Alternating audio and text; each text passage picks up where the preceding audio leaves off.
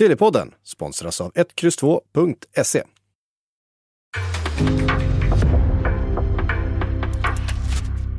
En podcast från Aftonbladet. In the supermarket, you have eggs class 1, class 2, class 3. And some are more expensive than others, and some give you better omelets. That's the wrong information. Wrong, wrong, wrong information. I didn't say that. That's the wrong information. Do you think I'm an idiot? Wrong, wrong, wrong information. Now look at me when I talk to you. Your job is to tell the truth. That's the wrong information.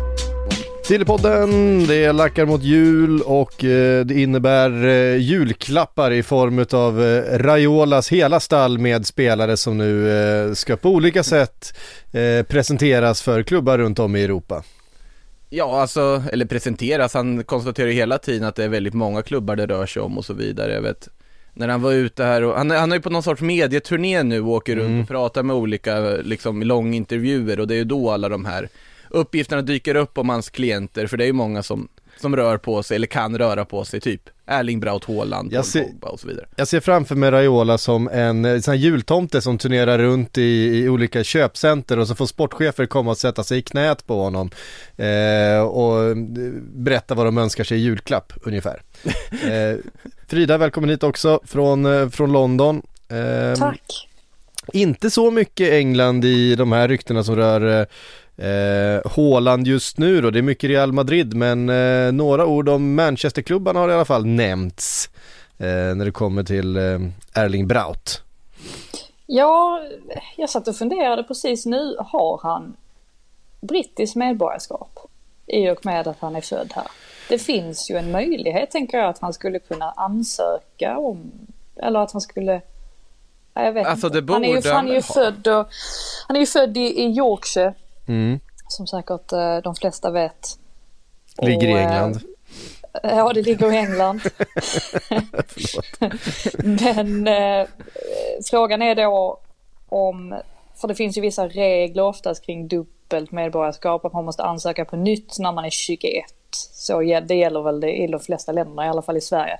Men han är ju inte så gammal heller, så att Ja, jag vet inte, det är, det är värt att undersöka känner jag ju för att då slipper man ju allt det här med jobbvisum och sånt som ju säkerligen inte hade varit några problem för honom i alla fall, men ändå.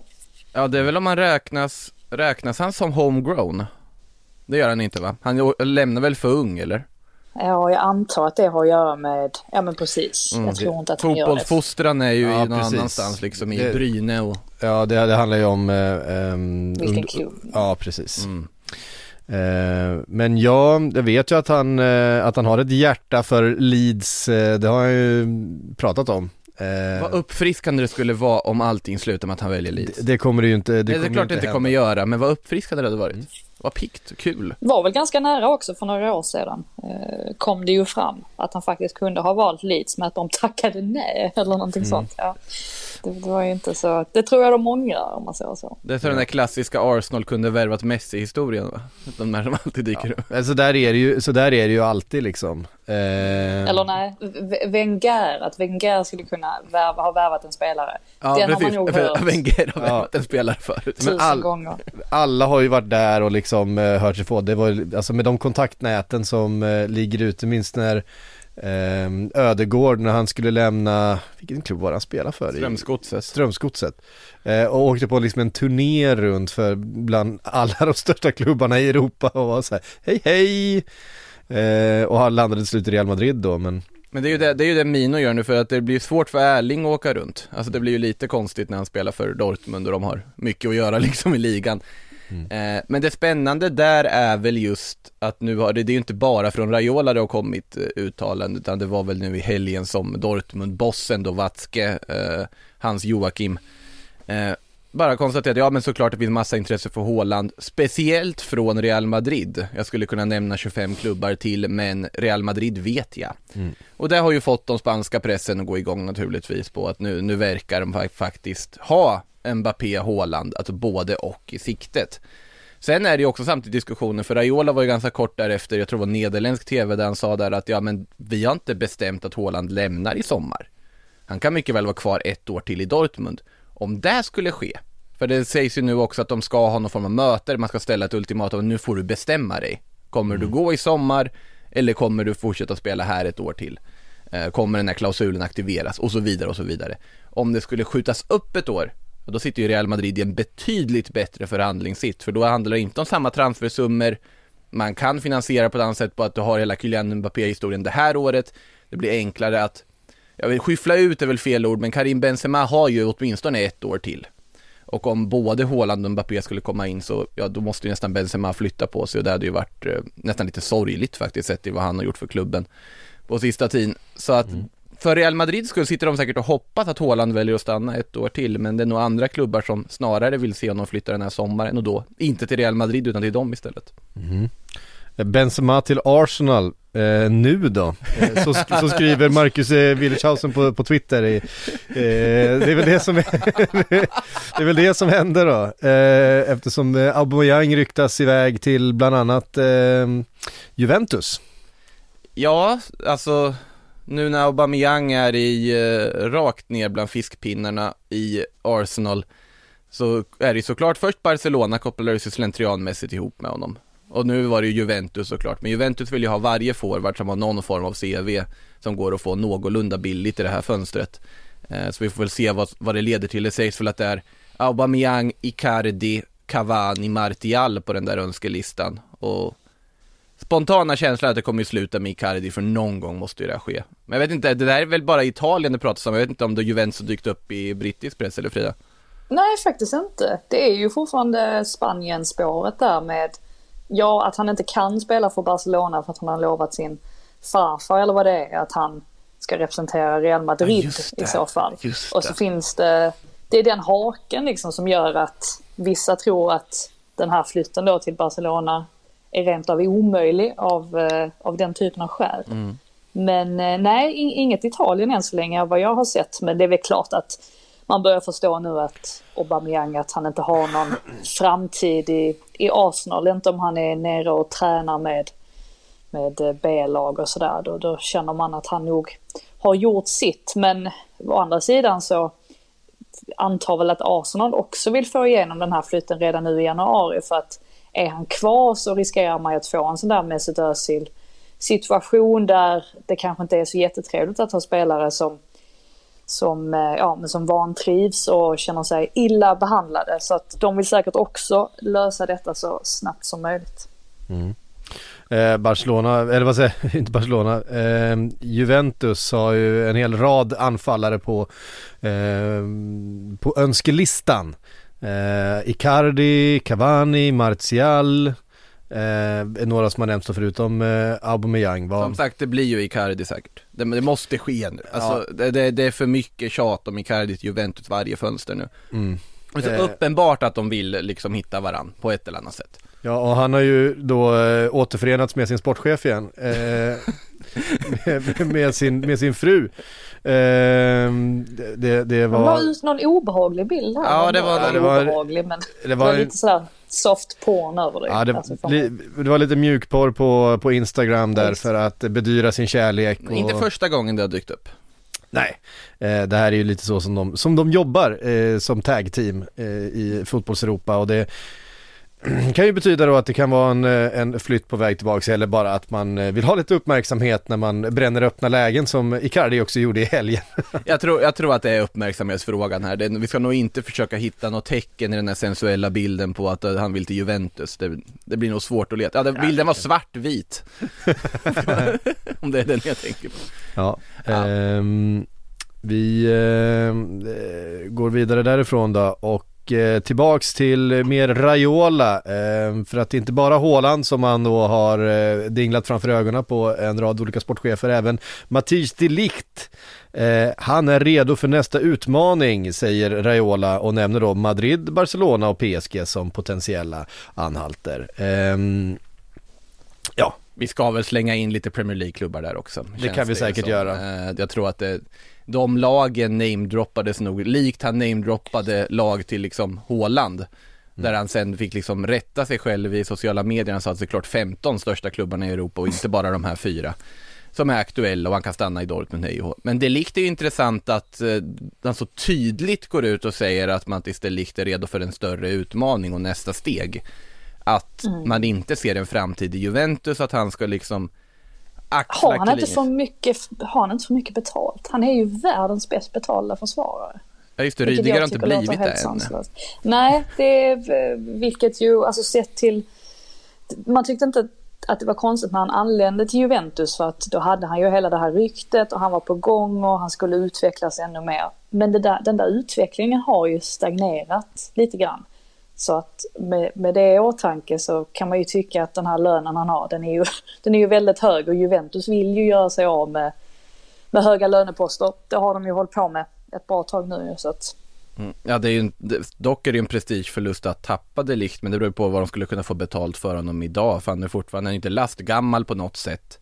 Det är en mittback, vi vet att de går, vi vet att han har ledaregenskaper och så vidare. Eh, Barcelona, om de hade haft råd, hade ju varit ruskigt intresserade, men jag tror inte att det riktigt är möjligt med tanke på deras prioriteringar i det här fönstret. Eh, PSG, så ja, då måste ju någon bort i princip, men det är väl att de liksom ger upp det här Ramos-projektet som de erkänt inte riktigt gått som planerat med tanke på att han mest bara varit skadad och brandat sig själv sedan han kom dit. eh, Hur gammal, hur gammal är han nu igen? vad är det likt? Är han 22?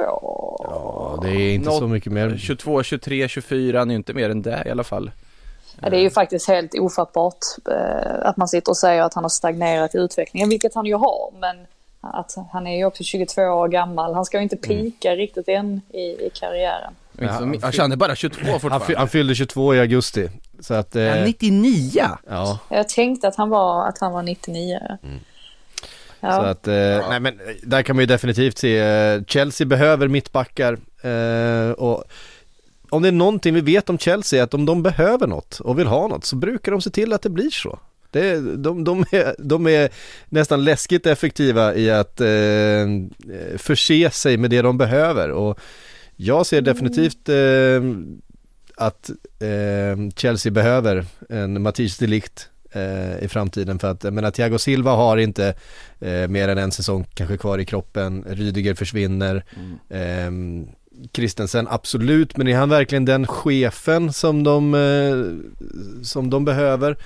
Ja, De hoppas ju att han ska vara det ju. De hoppas ju att han ska vara det men, men eh, Har ju varit efter Kunde väldigt länge och Mm. var väl hyfsat nära ändå att få honom. Men prislappen pressades upp för mycket för att de tyckte att det skulle vara värt det. Det är i alla fall så jag har förstått. Eller att, ja, att det var det som skedde. Men Mattis de Ligt och Kunde, om man ska välja en av dem. Vem går man för då? Alltså, Jag hade nog ändå gått för Kunde. i en trebackslinje absolut. Eh, skulle jag nog också gå för Kunde. Han har vissa egenskaper som är ganska unika som liksom mittback med sin speed och Jag vet inte om ni har sett det där målet han gjorde mot Barcelona för Sevilla när han, när han liksom på så här messieskt vis bara liksom, bara springer och bara dribblar alla. Och sen liksom gör mål på ett friläge. Vilken mittback gör det? Eh, nu, han har ju varit bra den här säsongen också. Där ska det ju vara då, om man går in på det du nämnde där Frida, att de gick ju upp då och trissade upp det till utköpsklausulen sista timmarna med typ 20 miljoner euro eller vad det var. Nu sägs det ju i Spanien att Sevilla ska vara mer öppna för att förhandla det här fönstret. Att de nu är redo att liksom sänka värderingen till de, den liksom summan som Chelsea ändå var typ överens om tidigare. Så att den verkar, de verkar ändå vilja sälja nu, eller Kondé vill ju till Chelsea fortfarande. Han ju, Problemet, problemet är ju att alla vet att Chelsea har pengar. Det är ju Mm. där det stora problemet ligger för de här klubbarna. Att andra klubbar såklart försöker pressa upp priserna om de känner att de inte måste släppa en spelare och då hamnar man ju oftast i, i sådana situationer. Sen är ju Sevilla ett läge där man slåss, man ligger tvåa i ligan, är de enda som egentligen har något form av häng på Real Madrid. Eh, nu gick ju Champions League-spelet katastrofalt för dem, tycker det är ett faktiskt större fiasko att Sevilla åker ur den gruppen de åkte ur än att Barcelona lyckas åka ur sett till alltså sportsliga förutsättningar i, i gruppspelet för att Sevilla ska gå vidare från den gruppen. Det är otroligt, otroligt underbetyg att de inte lyckas göra det. Eh, det borde ju också locka Kondé att han ändå vill spela en Champions League-vår istället. Eh, och som sagt, att, han, att han vill till Chelsea är ju allmänt vedertaget. Det ska väl till och med finnas en deal klar väl när liksom övergången sker, om, om de kommer överens om en transfersumma. Sen, Men jag vet, ja. jag vet ju vem, vem psyk föredrar av Mattis de Ligt och Kunde. För jag menar, Delish är ju trots allt 10 centimeter längre eller någonting sånt. Ja, så är det. Så du gillar ju inte, gillar ju inte riktigt korta Nej. spelare. Eller är det bara målvakter? Målvakter och mittbackar, där, där, eh, där har jag längdkrav. Eh, Mattias de Ligt är väl en eh, hyfsat eh, reslig mittback ändå, är väl 1,90 ungefär. Eh, Kondé, ja som sagt någon decimeter kortare. Att han har en fantastisk spänst Kondé, men det gör ingenting i Patrik Syks bok gissar jag. Det är inte riktigt, Alltså- det, det, jag det, allt handlar inte om spänsten. att- Jag tänkte precis säga att det märks inte att Kunde är lite kortare. Jag tror inte ens att jag förstod det förrän jag läste det någonstans. Mm. Just för att han känns, han känns ändå reslig, att han kan, han kan lura, lura ögat så att säga. Ja men man vill ju ha en lång mittback med bra spänst. Eh, då är man ju överlägsen. Eh, det är ju det. Ja, det är Eh, alltså spänst, spänst kan man säkert träna men längd kan du ju liksom inte träna dig till. Det, Nej, men hitta, det, hittar du den spelaren då? Och så hör av dig till Chelsea. ja. Men alltså, är det, är det helt otänkbart att de kan gå för båda?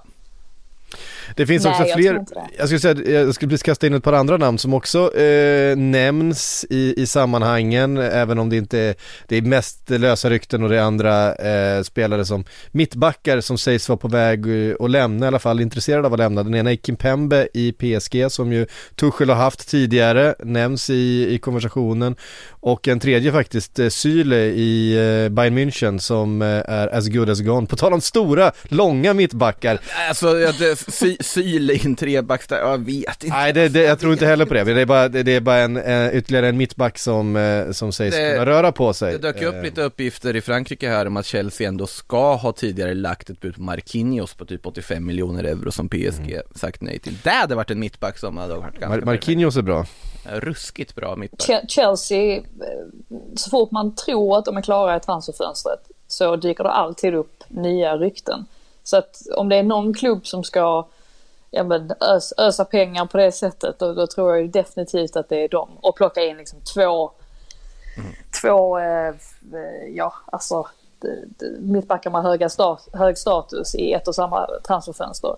Det, är nästan bara de som, som kan göra en sån sak. Mm.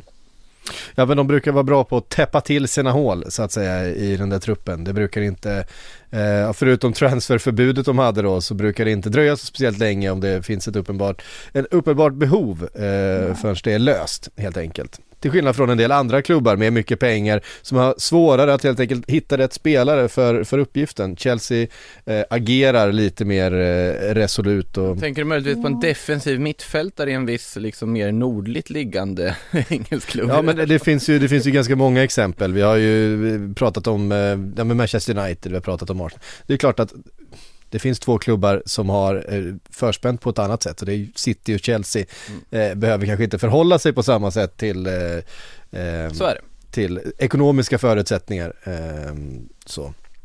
En sista sak på Chelsea bara alltså, just alltså i mittbacksväg så hade det ju varit ett, ett tapp för dem att, att tappa Rydiger med tanke på hur hans säsong har sett ut. Sen samtidigt så tror jag inte att de räknade med att Chalobah skulle se så fin ut som han har gjort. nej.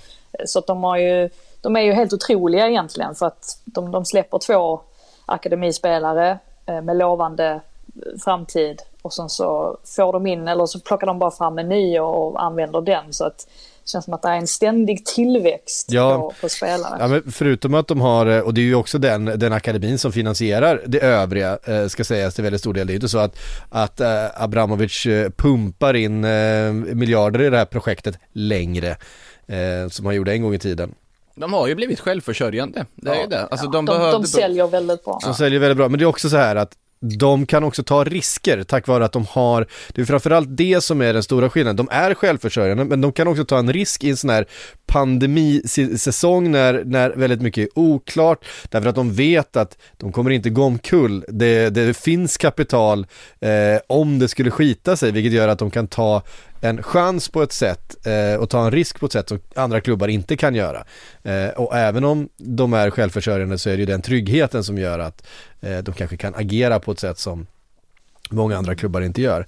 Eh, Men den där akademin är ju inte bara en kassako, det är ju faktiskt så att den levererar, precis som du säger, eh, spelare till A-truppen och som visar sig och utvecklar sig till, till startspelare och nyckelspelare för det där laget eh, i Mason Mount och i Reece James och så vidare som vi har sett de senaste säsongerna. Det är ju det är en otrolig akademi de har.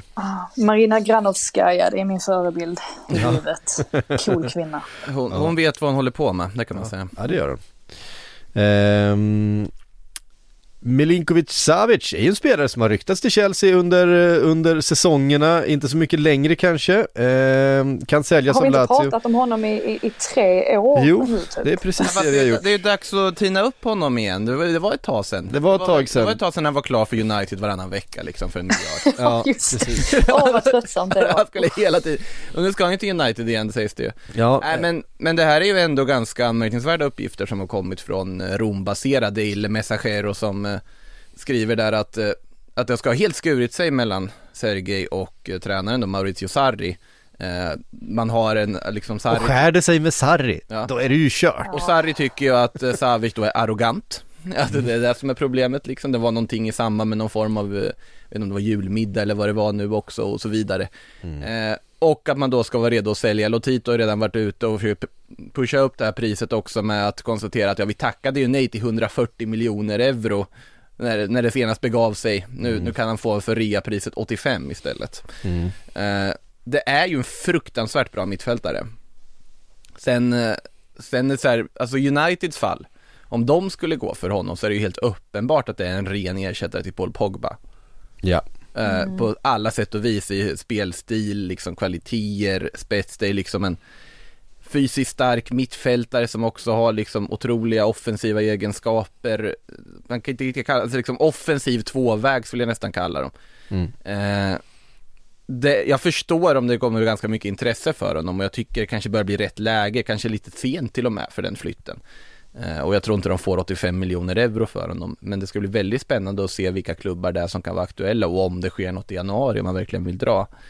Eh, kan också tänka mig att det här kommer sluta i någon form av låneköpoptionlösning bara för att få, liksom, få det på bordet ifall det verkligen har skurit sig med Sarri. Men då kanske man tar ut saker i förskott lite här också. Men en intressant mittfältare som vi slänger in i mixen inför att fönstret öppnar tycker jag. Mm.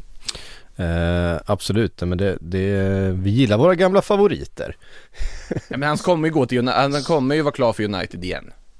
Ja, ja, alltså flera gånger. Ja, ja. Det är ju främst United det pratas om nu. ja såklart det.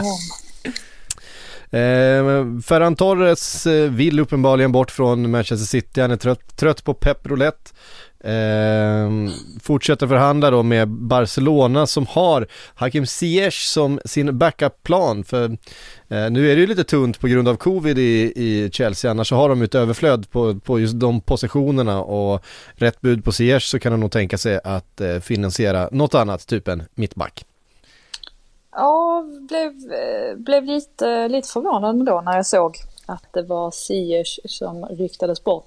Jo, för att det, Ziyech har ju inte riktigt levererat så som man eh, kanske hade hoppats. Framförallt slutprodukten har ju saknats en del och han har varit, han har varit ojämn. Nu vet jag ju att han har haft problem med en del skador och sådär men som har gjort att ja, hans karriär har blivit lite hackig i, i Chelsea. Men han har ganska svårt att leverera på en någorlunda jämn nivå vecka ut och, och vecka in även om man ständigt visar fina tendenser. Men eh, ja, nej men man kanske, man kanske ser sig ser sig om för att försöka hitta en köpare till honom. Jag vet inte, jag känner ju att det är betydligt mer troligt att Ferran Torres lämnar Man City och det tror jag kommer ske också. Än att Ziyech skulle lämna. Men det är bara en känsla jag har just nu. Det känns, alltså det är ju, Ziyech är ju inte den enda Chelsea-anfallaren som har kopplats med Barca. Det som att de har tittat på Timo Werner, det som att de har tittat på Christian Pulisic och så vidare också. Men allting tyder ju på, alla rapporter säger ju att prioritet för Xavi är nummer ett, Ferran Torres. Nummer två, en central forward.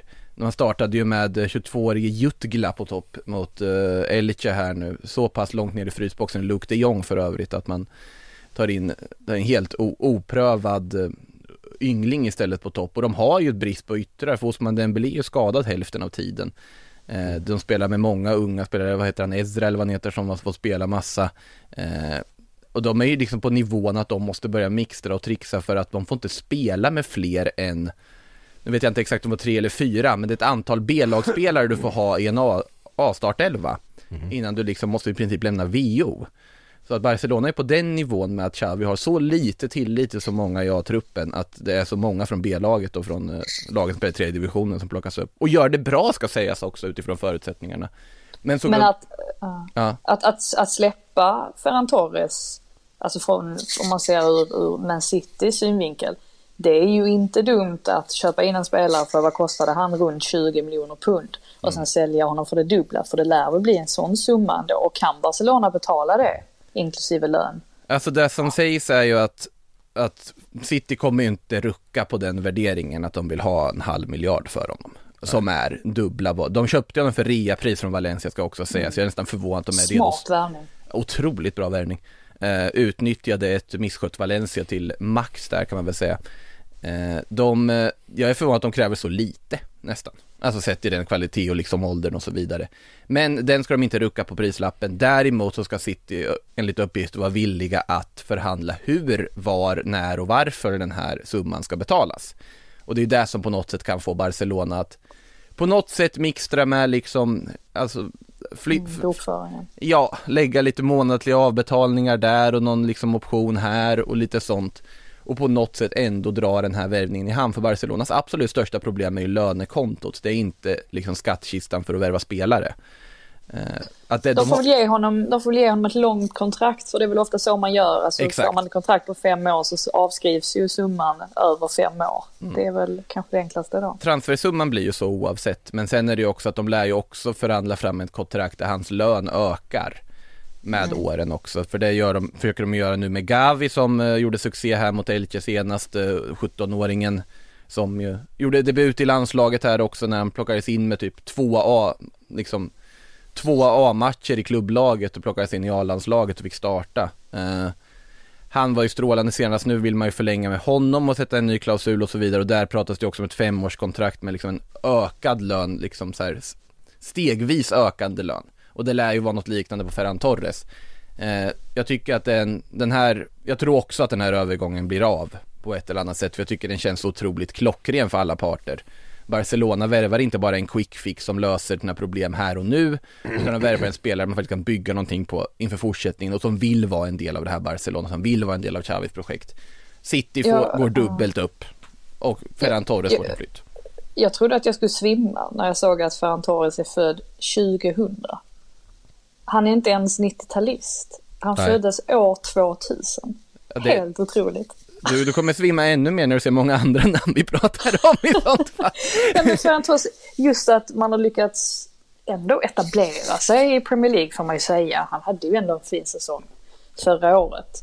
Man, man, kan, inte riktigt, eh, man kan inte riktigt fatta att eh, man kan vara så ung och göra det. Men det är väl klart, det finns ju många exempel i Premier League numera. Men ja, det är väl jag som eh, börjar bli gammal antagligen. Jag jag känner igen den känslan Frida, så att det, det förstår Men precis. du är äldre än mig ju. så Ja, jag, jag, hoppas ja, exakt, exakt. Nej, men eh, vad heter det? I alla fall så, nej men han, jag tycker inte han har nått upp till Valencia-nivåerna i City än heller. Och jag tror att, alltså som ytter i Barcelona, det kan vara en supersuccé att plocka in honom. Och om det går att lösa ekonomiskt så jag förstår ju prioriteringen, kör. Sen behöver de fortfarande en central forward också och då är det väl Cavani man kommer jaga, men får väl se om Cavani vill lämna United eller inte redan nu i vinter och hur, hur sugna United är på att göra sig av med honom. Men det är väl han som ska vara då första valet att få in då centralt på topp och det tycker jag väl också är rimligt sett till kvaliteterna han har fortfarande trots åldern. That's the wrong information. Sillypodden sponsras den här veckan utav 1X2.se och med som vanligt då min eh, nya radarpartner här, Andreas Nord eh, från 1X2. Hur, eh, hur mår du? Ja, men jag mår bra. Har njutit lite fotboll här i helgen, även om det blev en del inställt. Men annars är det bra med mig. Hur är det själv, Patrik? Jo då, det, det lackar mot jul så att säga. Ehm, och eh, vi får ju passa på att tipsa då om tävlingen som vi har som rullar på då med Sportbladet och 1X2.se. Ja, men precis. Man kan alltså vinna den här drömresan fortfarande värd 10 000 kronor. Man behöver ju bara gå in på vår hemsida, 1X2.se, och gissa resultatet i tre matcher, besvara en utslagsfråga så har man chans att tävla om den. Så kan man åka ut någonstans i världen och kika på lite fotboll. Just det. Eh, och dessutom så vill du tipsa om någonting annat här till, eh, till jul va? Ja, men precis. Vi på 1, X 2 har ju en eh, Twitch-kanal där vi sänder live flera gånger i veckan. Alltså på twitch.tv slash 1X2SC. Och den 23 december med start 19.00 kommer vi köra en liten uppesittarkväll. Där kommer vi dela med oss av speltips, köra tävlingar och dela ut en hel del schyssta priser. Så det får ni inte missa. Nej, in på 1X2.se, kolla in Twitch-sändningen och eh, tävlingen. That's the wrong information. Ehm, Tottenham, Frida. Eh, Ja. Gjorde en, eh, en, eh, en bra match i helgen eh, och uppges då intresserade av att förstärka det här laget ännu mer. Nu har ju Conte kommit in och eh, han vill ju såklart spela fotboll på sitt sätt och eh, Conte är ju också en spelare, eller en, en tränare som ställer krav på klubbledningen att investera i hans modell och hans idéer. En av spelarna som har nämnts är Clement Langlais eh, från Barcelona och eh, Arturo Vidal enligt italienska uppgifter. Alltså, det, det kittlar ju att se Arturo Vidal i Premier League, det gör det ju. man vill ju det. Ja, det känns väl inte. Jag, jag känner ju att eh, Longley-ryktet är väl, är väl lite mer troligt kanske eh, i, i det här fallet. Eh, han lyck, eh, ryktades ju lite grann, eller lite löst till Tottenham i somras, Longley. Men ska jag tackat nej då? Och jag tror att mycket av det hade att göra med att det var Nuno som var tränare, Espirito Santo. Mm. Antonio Conte drar ju en, en helt annan typ av spelare till sig. Och det verkar som att det är det som gör att det här intresset då har eh, väckts, ja väckts säger man, till slut av Longley. Och eh, det känns väl inte som att hans situation är sådär jättebra i Spanien, särskilt inte efter att han gjorde det stora ödesdigra misstaget som abs- absolut inte får göra om man spelar i en spansk klubb och alltså skratta efter slutsignal efter att man har åkt ut Champions League. Det verkar som att det är, det är dödssynden nummer ett. Så kan att, man ju inte ja, göra. Nej, så kan man Nej, inte. Eden Hazard. Sen har ju Tottenham haft lite mittbacksproblem ändå eh, efter att Christian Romero skadades. Nu ska väl han ändå vara tillbaka i januari, februari, men vi vet ju att det kan ta lite tid. Eh, bara för att man säger att man är tillbaka i träning då så kan det ju ta tid innan man är redo för att spela. Så att det finns ju ett, ett behov eller en lucka att fylla där i, i försvaret. Så att ja, varför inte? Alltså jag är väl lite, lite tveksam till Langleas kvalitet här och nu. Han har ju gått ner sig ganska rejält i Barcelona, men sen är ju frågan om det är en miljöfråga eller om det är en spelarfråga i det här sammanhanget. Han har ju startat sporadiskt, eh, har väl blivit av med sin plats till Araujo kan man väl säga egentligen. Eh, den här självklara startplatsen han hade tidigare och varit svajig i många matcher. Men vem vet, alltså ett miljöombyte, han borde ju inte kosta allt för mycket att lösa med tanke på. Barcelona vill frigöra kapital. Kanske kan funka att han får en nystart i Tottenham. Sen tycker jag, sen lockar jag Arturo Vidal mer. Men det är ju bara för att man vill se Arturo Vidal i Premier League. Och att man, och, och man kan se det på att Conte vill bara snabbt få in en till kropp till innermittfältet. Eh, kortsiktig lösning, men du vet exakt vad du får. Du får en spelare som, ja, man aldrig vet vad man får på planen. Det är exakt det du kommer få. Det gick ju Eh, jättebra när Chelsea gjorde det med Saul här. Det, det var också en sån där värvning. Ja, ja, men han, han hittar vi säkert en, en funktion för. Det har man inte riktigt gjort än, eh, om man säger så. I och för sig nu senast, jag ska inte vara för hård eh, på honom. Alltså senast mot eh, Wolves i andra halvleken så då kom han ändå upp eh, en del i kvalitet. Men ja, han har ju inte riktigt haft en sån där jättehärlig tid i England så här långt. lämnar Atletico Madrid för han är trött på att flyttas runt på positioner och så dyker han in där som vänster wingback ändå och falsk nia och allt vad det är. Stackarn. Ja, nej, då tror jag nog att Vidal finns en mer liksom tydlig idé om man nu skulle plocka in, men samtidigt det här är ju ett rykte som såklart kommer från italienska medier och sannolikt planterats av italienska medier för att väcka någon form av intresse här också. Det ska man ju därmed ta med en nypa salt. Eh, vi har några spelare som är sugna på att stanna där de är. Vi kan väl bara notera dem. En av dem är Jesse Lingard som inte vill någonstans utan vill slåss om sin plats i, i Manchester United nu när Ragnik har kommit in. Eh, inte så att han har fått överdrivet mycket speltid utav Ragnik men eh, han har ju visat att, eh, att kvaliteten finns där. Messi Lingard. Ehm, det är bara lite, lite för många kroppar i vägen kanske men det, det eh, han, han är tecken. Ja, han är, han är sugen på att stanna och, och kriga om den platsen i alla fall. Även Eden Hazard ehm, det pratades om att då Messi, Messi Lingard skulle till Real Madrid ju och Eden Hazard till West Ham. och, och, och stöka runt och, och um, ta Hazards plats eh, helt enkelt. Nej.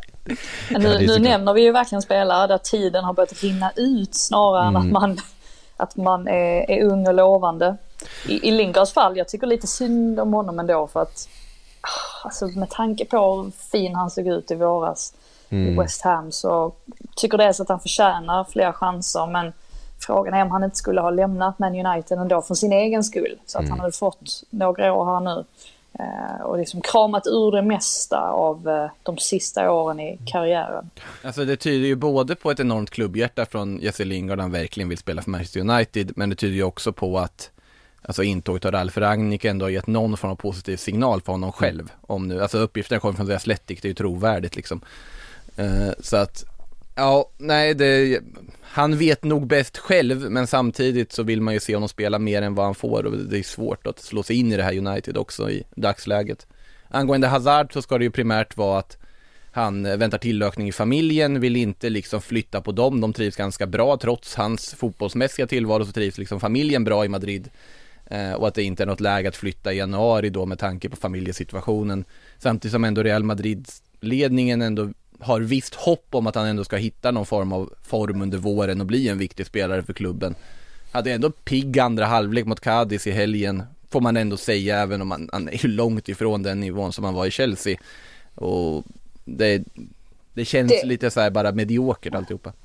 Det, det är en av mina största alltså fotbollssorger och då är jag inte ens Chelsea-supporter. Men att Eden Hazard lämnade Chelsea för så bra som han var i Chelsea. Ja, Jag vet, jag vet inte ens om jag har sett en, en spelare prestera bättre än vad han gjorde där.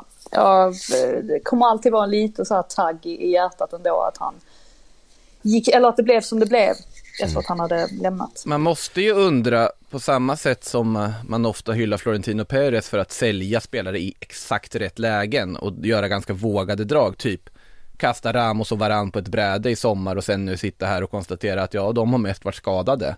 Man kanske prickade ganska bra. Eh, eller att man sålde Özil, man sålde Di Maria och så vidare.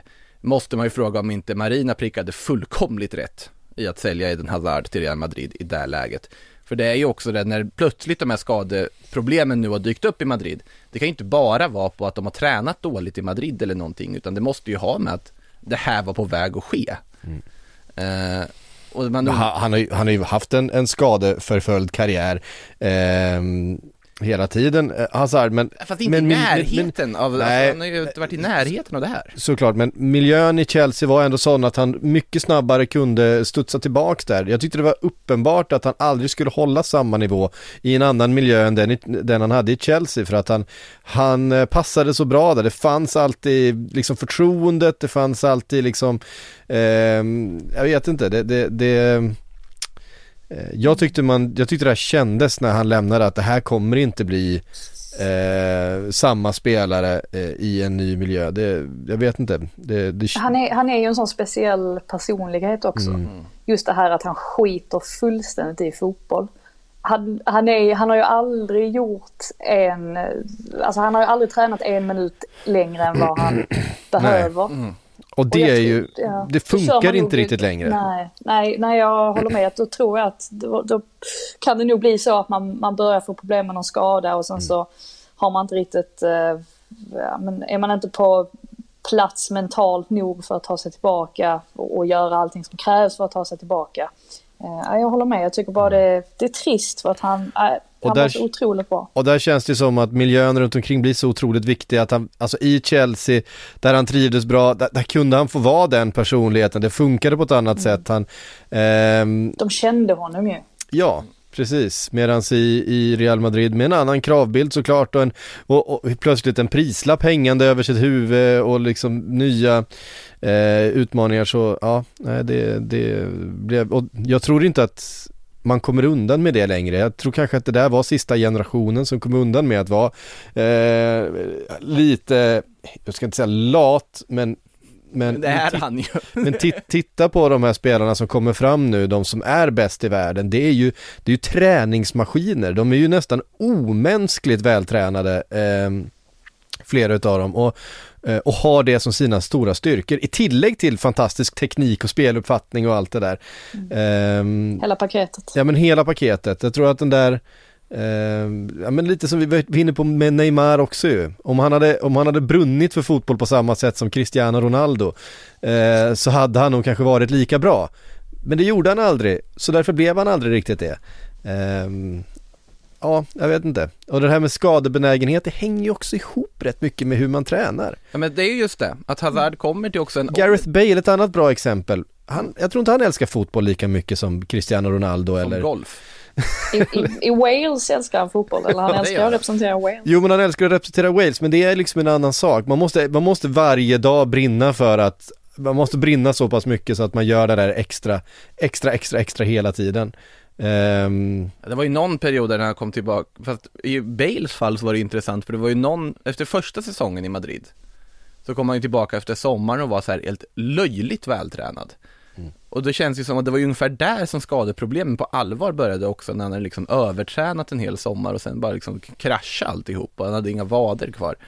Eh, Jag vet, det är så svårt att säga det där också men i Hazards fall tycker jag det är väldigt tydligt, det har ju funnits liksom vittnesmål också, det var från Felipe Luis när han spelade med honom i Chelsea liksom, att han satt ju och spelade Playstation istället för att värma upp i princip inför liksom matcher. Ja, ja han, han, han brydde sig inte. Jag, jag gillar inte att använda ordet lat, men däremot om, omotiverat ja. tycker jag är, är ganska träffande i många fotbollsspelares fall. Men det är som jag är inne på att jag tror också att det kommer bli svårare att slå sig in på den här högsta nivån om man är på det sättet. Mm. Och jag menar, titta på spelarna i, i Manchester City till exempel. Guardiola hade aldrig accepterat det.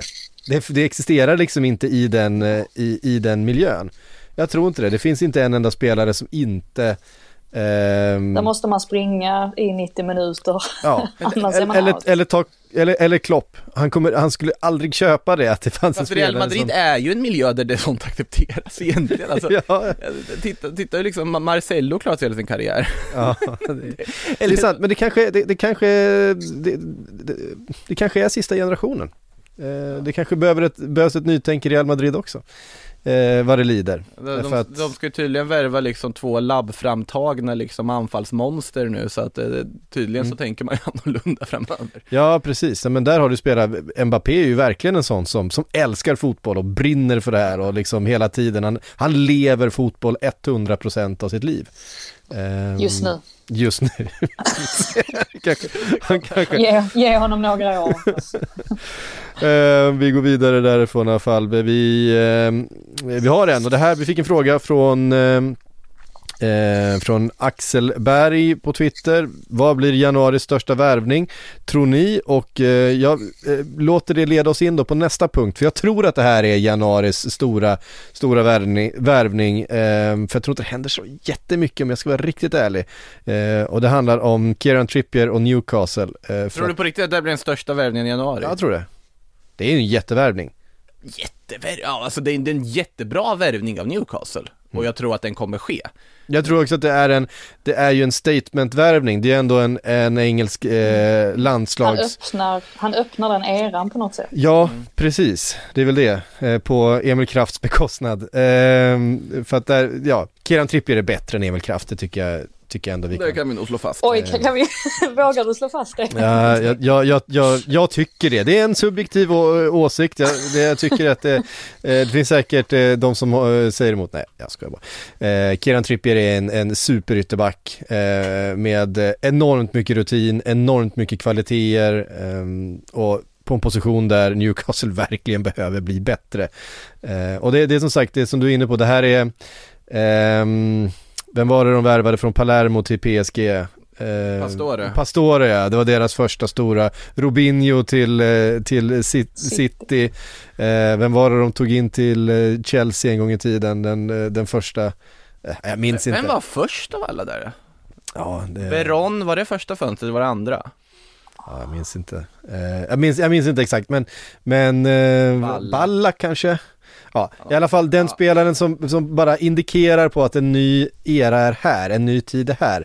Eh, och därför tror jag att Kieran Tip Trippier ändå kommer landa, kanske inte allra högst upp, men han kommer vara där uppe bland de största, om det är så att han lä nu lämnar Atletico eh, för en flytt upp till norra England och en kamp i botten utav Premier Leagues eh, tabell. Han är ju väldigt öppen för att lämna, alltså och flytta tillbaks till England. Han har väl till och med sagt det rakt ut att ja, men jag, jag är nöjd med det jag har gjort i Atletico. Det här var ett jätteroligt äventyr, men nu vill jag hem till England. Han har väl också, som man har förstått det, någon form av tanke på att fortsätta inom fotbollen efter avslutad karriär med liksom ta lite tränarutbildningar och liksom på den viset. Mm. Och då passar det ju bättre att flytta hem då till England. Eh, Atletico ska ju förstå det, de ska också med tanke på att man ändå har ofta använt Marcos Llorente som högerback ganska många matcher den här säsongen och ändå har en viss bredd, ska man ändå vara redo att släppa om då liksom man får de pengarna man vill ha, vilket inte borde vara något problem. Eh, men man vill också ha in ändå en ersättare och då har det pratat bland annat om eh, Celik från eh, Lille, är väl ett av namnen som dykt upp där, högerbackar växer ju på träd, duktiga offensiva ja. ytterbackar i liksom lite mindre ligor. Så att där borde de hitta någon. Jag tror också den här blir av.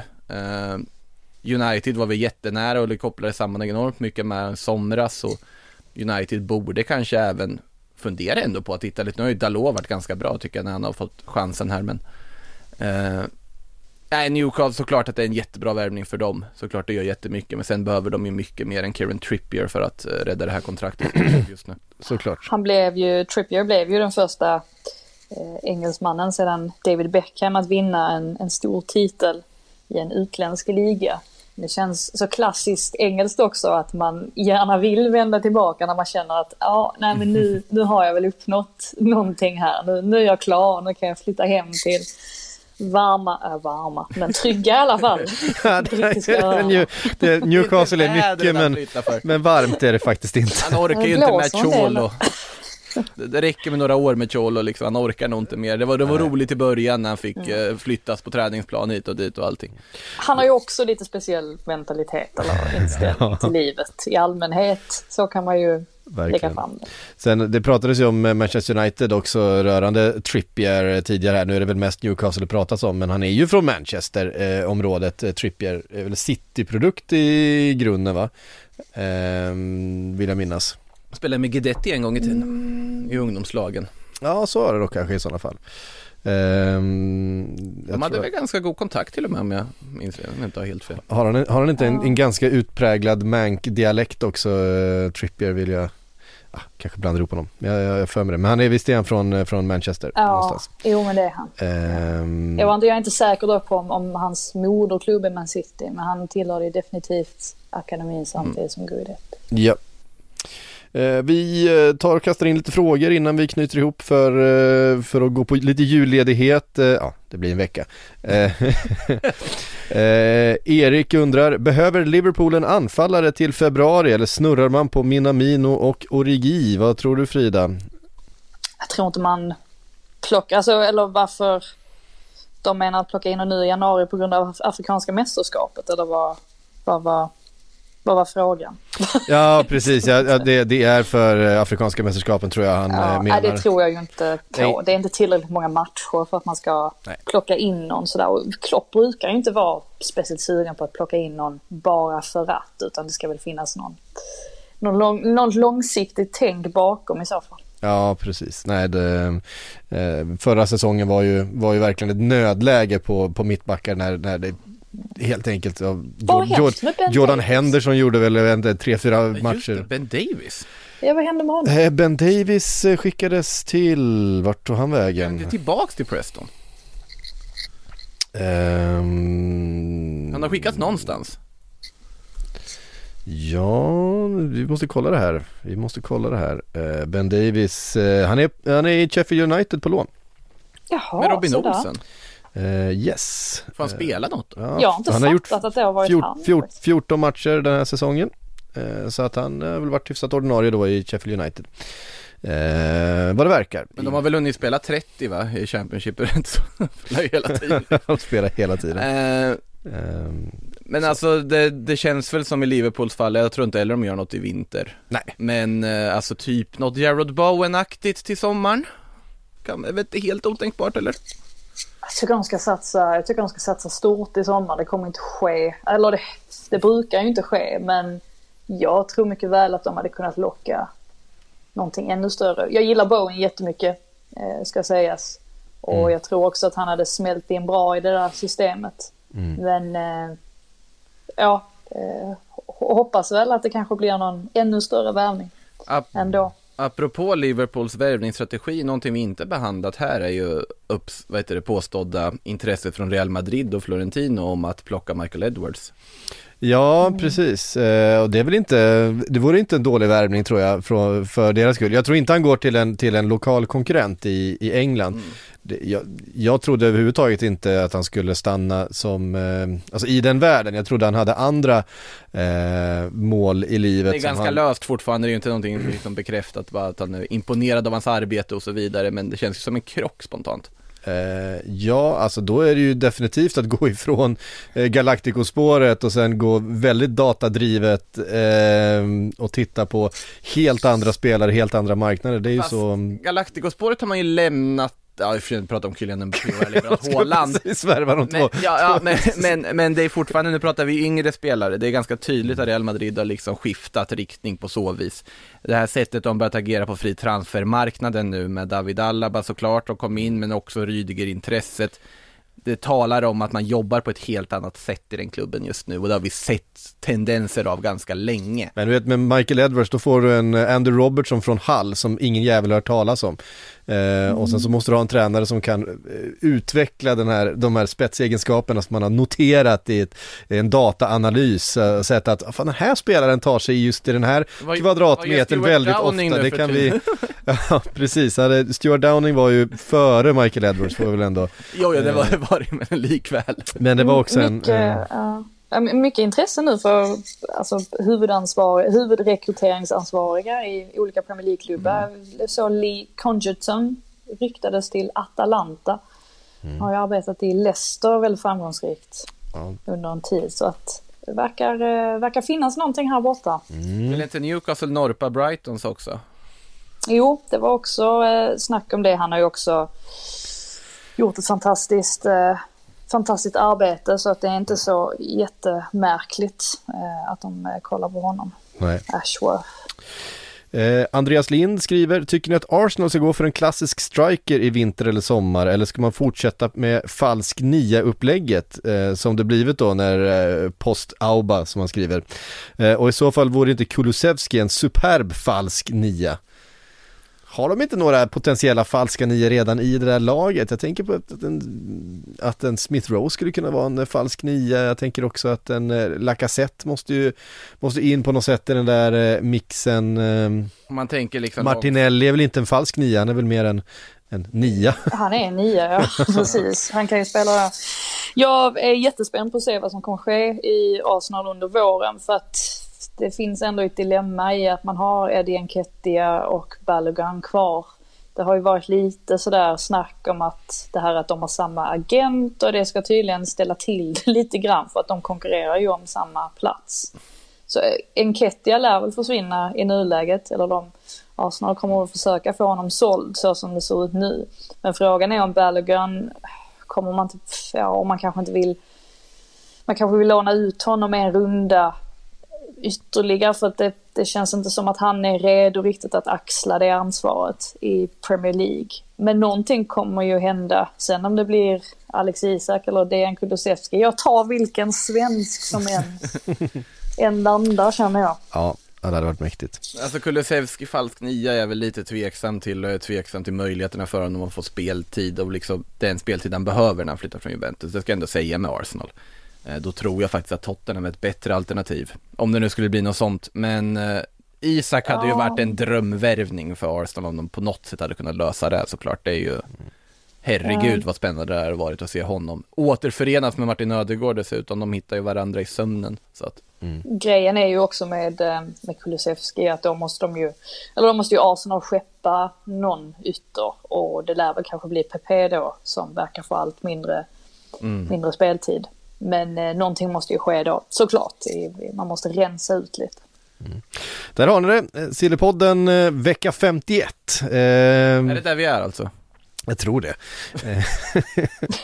Det, det Eh, märks att du har barn när du räknar i veckor. ja men exakt. Alltså, det, det, där, det där är sådär klassisk störningsmoment man har i allmänhet när folk, folk säger så här, ja men vi kan, vi kan ha möte i vecka 31, bara jag vet inte vilken liksom kvartal vi pratar. Jag kan Det räkna. vecka, det, det, det, är vecka, det är vecka 51 nu, så kan du bara räkna framåt och bakåt därifrån. Ja, men, alltså, Ehm. sluta prata i veckonummer. Det, det, det, kanske tillåtet att göra det i skolsammanhang, men alltså nej. Älskar Jag tror inte man gör det här ens. Nej, det är en väldigt svensk företeelse tror jag. Det är som namnsdag. Ehm, vi är tillbaks eh, nästa vecka igen. Eh, nu får vi fira lite jul i slutet på den här veckan och sen tillbaks nästa vecka igen med eh, fler rykten och så närmar vi oss eh, öppnandet av fönstret där eh, i slutet på nästa vecka då. Så att från Sillypodden så säger vi god jul och på återhörande. God jul!